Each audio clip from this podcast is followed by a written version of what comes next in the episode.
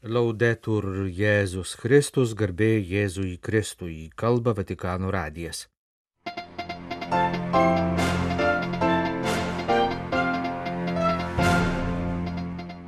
Šeštadienį popiežius priėmė kelis tūkstančius tikinčiųjų iš dviejų Šiaurės Italijos parapijų. Paskelbtos atnaujintos seksualinio išnaudojimo bažnyčios aplinkoje atvejų tyrimo normos. Didį penktadienį, kaip kasmet vyks rinkliava, šventosios žemės krikščionims remti. Jeruzalėje vyko atsiteisimo procesija po pastarųjų dienų išpolių prieš krikščionims brangias vietas. Laidos pabaigoje penktojo gavėnio sekmadienio Evangelijos komentaras. Popiežius tebe gyvena troškimu išsakytų prieš dešimt metų, kai buvo išrinktas Romos vyskupu ir visuotinės bažnyčios ganytojų popiežiumi. Le parole che ho pronunciato dieci anni fa, 13 marzo del 13, appena eletto vescovo di Roma, affacciandomi per la prima volta alla loggia della Basilica San Pietro, dicevo, incominciamo questo cammino insieme. Pradėkime šį ėjimą kartu, Vescovo e popolo, vyskupas ir tauta. un cammino di fratellanza, di amore, di fiducia tra noi. Eikime tarpusavio brolybės, meilės ir pasitikėjimo keliu. È il desiderio che mi ha accompagnato per tutti questi anni ed è l'augurio che faccio anche a voi. Šis troškimas lydi mane per visus šios metus ir kartu yra mano linkėjimas jums, pasakė Pranciškus šeštadienį, kreipdamasis į kelis tūkstančius italų tikinčiųjų iš dviejų šiaurinio Ro miesto parapijų Milano arkivyskupijoje. Popiežius taip pat pasidalijo mintimis apie darbą parapijoje. Atviravo, kad šešerius metus Argentinoje buvo parapijos klebonas. Parapija yra palaiminta vieta, į kurią einame, kad jaustumės mylimi. Tie, kurie beldžiasi į mūsų bažnyčių duris, labai dažnai labiau už bet ką kitą laukia svetingos šypsenos, priimančių rankų, jautrumu užsidegusių ir į susitikimą kviečiančių akių žvilgsnio. Žmonės be palievos ateina su savo prašymais ir troškimais, o mes privalome be palievos atverti jiems ne tik duris, bet ir langus. Kiekvienas parapijėtis į parapiją atsineša ir savo naštą, kad pasidalyjęs su kuo nors kitu ją palengvintų, bet ir pasidalytų jos teigiamais aspektais, dalyjosi mintimis Pranciškus. Popiežius pasidžiaugė dviejų Ro parapijų gyvastingumu, puoselėjimu dvasiniu šventojo Ambraziejaus palikimu ir prisirišimu prie šventojo Karolio Boromiejaus XVI amžiuje įkurtos Ro supulingosios švenčiausiosios mergelės Marijos šventovės. Pranciškus patikino, kad parapijų narių, įskaitant tuos, kurie negalėjo dalyvauti šeštadienio audiencijoje Vatikane, kartų, tarnyščių ir malonių įvairovė yra tai, kas sudaro bažnyčios grožį. Bažnyčia yra iš daugelio narių sudarytas kūnas, jie visi tarnauja vieni kitiems ir visus jos veikia ta pati Kristaus meilė. Kai bažnyčia tokia nėra, ji nupuola į supasaulėjimą, į baisų klerikalizmą, sakė popiežius. Jis prašė prisiminti, kad būtent per šios įvairovės grožį ir turtingumą, kaip ir bendrystės dėka, parapiečiai neša Jėzų pasauliui. E Tai pats galingiausias būdas, kuriuo jūs skelbėte Evangeliją, net labiau už žodžius. Šeštadienį kovo 25 dieną buvo paskelbta nauja popiežiaus pranciškaus dokumento Vos Estis Lux Mundi redakcija. Šis dokumentas, nurodantis procedūras, kurių privaloma laikytis tyriant seksualinio išnaudojimo bažnytinėje aplinkoje atvejus, buvo paskelbtas 2019 metais. Po beveik ketverius metus trukusio bandomojo laikotarpio ir po konsultacijų su vyskupais ir Romos kurijos dikasterijomis, dokumentas buvo papildytas ir atnaujintas. Dabar skelbiama jo nauja redakcija įsigalios balandžio 30 dieną. Svarbiausia naujoje redakcijoje įvesta naujovė yra susijusi su antraja dokumento dalimi, kurioje skelbiamos nuostatos dėl vyskupų ir vienuolijų vadovų atsakomybės. Ši dalis papildyta teiginiu, kad tokią pačią atsakomybę turi ir tikintieji pasauliečiai, kurie yra ar buvo apaštalų sosto pripažintų ar įsteigtų tarptautinių tikinčiųjų asociacijų vadovai. Kiti pakeitimai buvo įvesti atsižvelgiant į normatyvinės reformas vykusias po motu proprio vos estis luksmundi paskelbimo. Naujoje šio dokumento redakcijoje visų pirma atsižvelgta į 2021 metais įvestus motu proprio sacramentorum sanctitatis tutela pakeitimus, į kanonų teisės kodekso šeštosios knygos naujos redakcijos paskelbimą, taip pat 2021-aisiais ir į naująją Romos kurijos konstituciją predikate evangelijum įsigaliojusią pernai. Naujoje vos estis Lux Mundi versijoje taip pat nurodoma, kad vyskupijose turi būti įkurti visuomeniai lengvai prieinami biurai ir institucijos, kad būtų galima informuoti apie nusikaltimus. Ankstesnėme tekste buvo naudojama bendresnė formuluotė, buvo kalbama tik apie stabilias sistemas. Taip pat nurodoma, kad gavus pranešimą apie nusikaltimą, pareiga pradėti tyrimą tenka vietos vyskupui. Taip pat patikslinama, kad turi būti ištirti ne tik priekabiavimo ir smurto prieš nepilnamečius ir pažeidžiamus suaugusiosius atvejai, bet ir skundai dėl seksualinio smurto bei priekabiavimo susijusio su piktnaudžiavimu, autoritetu ir valdžia.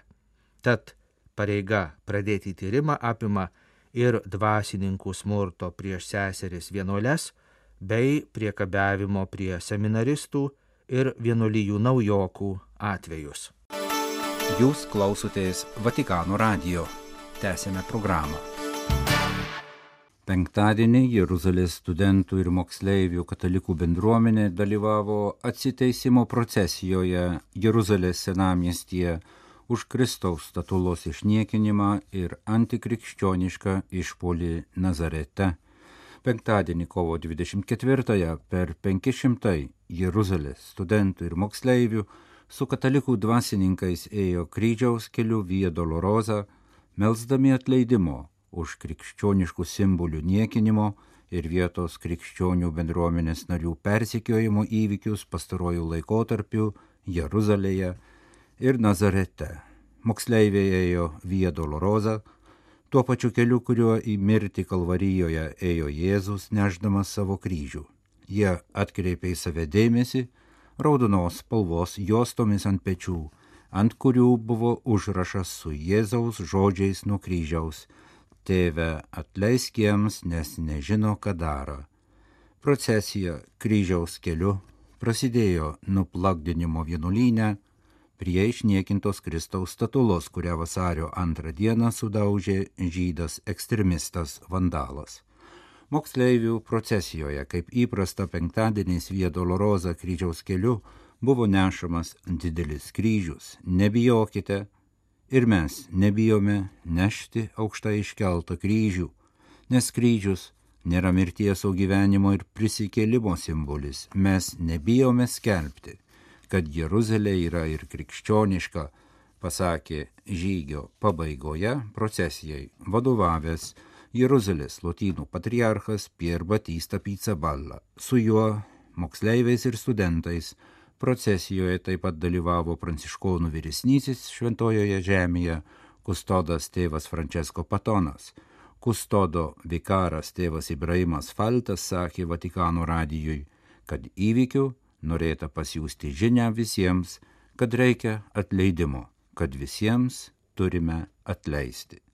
Tuo metu iš Nazareto pasiekė neraminančios žinios apie Saliziečių vienuolyno ir mokyklos užpuolimą Ketvirtadienio vakarą apie 20 val. į vienuolyną prisistatė penki lasdomis ginkluoti vyrai su uždengtais veidais. Jie reikalavo, kad vienuolis salėzietis atsiverstų į islamą ir palaimintų Ramadaną, pasninko ir susilaikymo mėnesį prasidėjusi kovo 23 dieną. Vienuolėms išlaisvinti padėjo įsikešęs apsauginis tačiau apie pirmą valandą nakties prie vienuolyno privažiavo automobilis, kuriame buvo keturi vyrai, užsidengę veidus į įvykio vietą atvyko policija saugumui užtikrinti. Didįjį penktadienį šiemet tai bus balandžio 7. Visame katalikų pasaulyje vyks rinkliava Šventojios žemės krikščionims remti. Šią kasmetinę rinkliavą 1974 metais įvedė popiežius Paulius VI. Gavėnios pradžioje, Pelenų trečiadienį, Rytų bažnyčių dikasterijos prefektas arkivyskupas Klaudijo Gudžerotti parašė laišką viso pasaulio vyskupams, primindamas šią kasmetinę solidarumo su Šventojios žemės krikščionimis iniciatyvą ir prašydamas dosniai juos paremti. Arkivyskupas savo laiške visų pirma primena siaubingą žemės drebėjimą, nuo kurio neseniai nukentėjo kai kurių Turkijos ir Sirijos regionų gyventojai. Jau daugiau nei 12 metų Sirijoje trunka karo drama, o dabar dar prisidėjo stiprių žemės drebėjimų sukeltos nelaimės. Vienuolių namai Sirijoje, kaip ir Turkijoje, tapo prieglaudomis namų netekusiems žmonėms. Arkivyskupas primena, kad krikščioniškosios institucijos visoje šventojoje žemėje yra labai svarbus vilties šaltiniai, nes rūpinasi vaikais, teikia jiems išsilavinimą, padeda motinoms, slaugo senelius ir ligonius, kuria darbo vietas, stengiasi pagerinti vietiniams krikščionims būties sąlygas, kad jie norėtų pasilikti gyventi šventojoje žemėje. Bažnyčia pasklido po visą pasaulį apaštalų skelbimo dėka rašo rytų bažnyčių dikasterijos prefektas.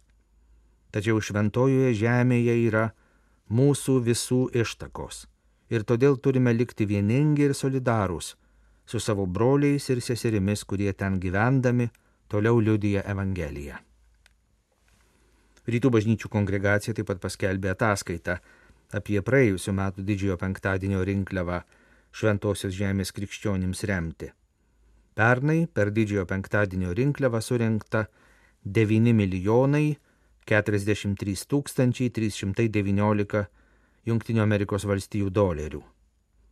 Šventosios žemės kustodija gauna 65 procentus rinkliavos sumos, o likusiai 35 procentai atitenka rytų bažnyčių dikasterijai, kuri juos naudoja kandidatų į kunigus rengimui, dvasininkų rėmimui, mokslo rėmimui, kultūriniam ugdymui ir subsidijoms įvairioms bažnytinėms institucijoms. Teritorijos, kurios įvairiomis formomis gauna paramą iš šios rinkliavos, yra Jeruzalė, Palestina, Izraelis, Jordanija, Kipras, Sirija, Libanas, Egiptas, Etijopija, Eritreja, Turkija, Iranas ir Irakas.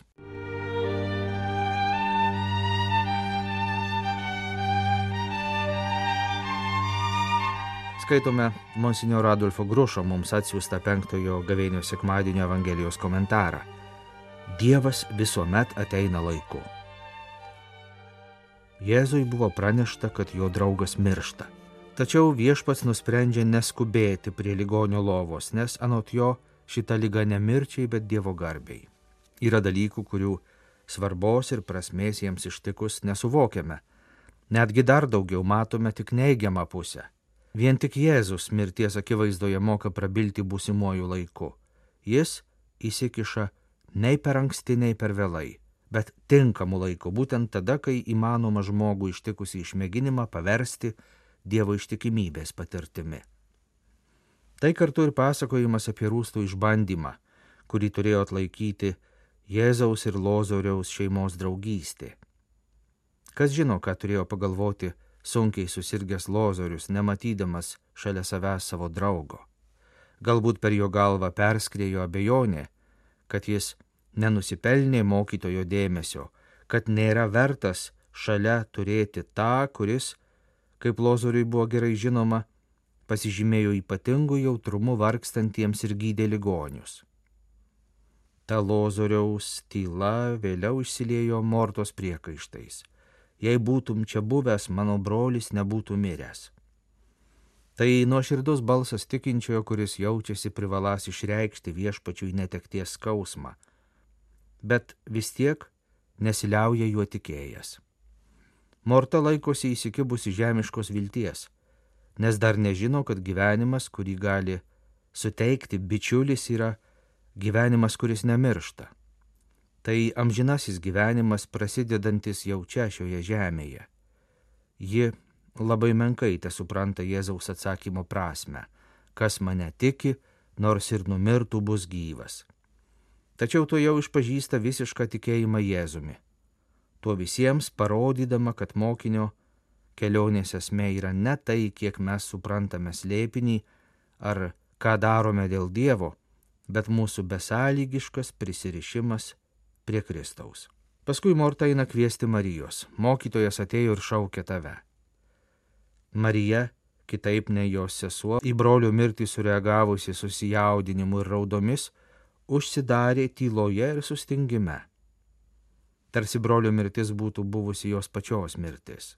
Jėzaus žodis jai yra kvietimas į gyvenimą, ir evangelistas čia vartoja tuos pačius veiksmažodžius, kuriais vėliau aprašys Jėzaus prisikelimą - išeimas iš mirties namų, susitikimui su viešpačiu. Marijos ir susirinkusių žydų rauda užkrečia taip pat ir mokytoje. Jėzaus verksmas yra kažkas nuostabaus. Tai dieviškosios ašaros, kurios drėkina mūsų žemę ir ją apvaisina. Tai žinojimas, kad kai mes verkiame, Dievas verkia kartu su mumis. Tai tikrumas, kad ne viena ašara nėra išliejama veltui ir kad verksmas gali tapti šokiu. Šią prasme, Visiškai natūraliai suskamba Jėzaus įsakymas nuristi akmenį nuo kapo angos. Dangaus tėvas per sūnų nori išlaisvinti savo vaikus nuo visko, kas legia jų širdis. Po kokiu kapo akmeniu slypi autentiškiausia mūsų dalis. Šiandienos visuomenėje, kurioje įprasta atrodyti sėkmingiems, jauniems ir gražiems, kyla rizika nuslėpti tiesą apie tikrasias mūsų mintis ir jausmus. Žmonėms tenka iš naujo mokytis priimti ir išpažinti savo normalumą, susidedantį iš trapumo ir nuodėmės, bet dar labiau iš meilės protrukių, kuriuos taip pat reikia mokėti drąsiai pripažinti ir parodyti. Viešpaties kvietimas - lozoriau, išeik - tai Dievo balsas, suskambantis toje mūsų būties dalyje, kurią laikėme mirusią, neverta meilės, kurioje mūsų įsitikinimu mūsų niekas niekada negali aplankyti. Kaip tik ten yra ta vieta, kur nori patekti viešpats ir prikelti mumyse slypinti lozorių. Rankos ir kojos buvo suvystytos aprišalais, o veidas apviniotas drobule. Visą tai, iš ko Jėzus liepia išvaduoti į gyvenimą grįžusį žmogų, liudyja, kad tikėjimu gimstant naujam gyvenimui mes esame išlaisvinami iš visų ryšių su blogiu, su kuriuo buvome susiję. Tada nukrinta ir kaukės, kurias dėvėjome iš baimės ar veidmainystės prieš kitus ir save pačius. Šio sekmadienio Evangelija tai žodžiai apie amžinybę ir viltį. Jų klausydami mes ir bandome rasti atsakymą į klausimą, kur gyvena mūsų viltis.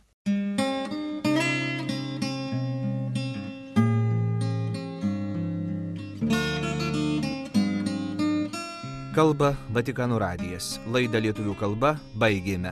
Garbėjai Jėzui Kristui, laudetur Jėzus Kristus.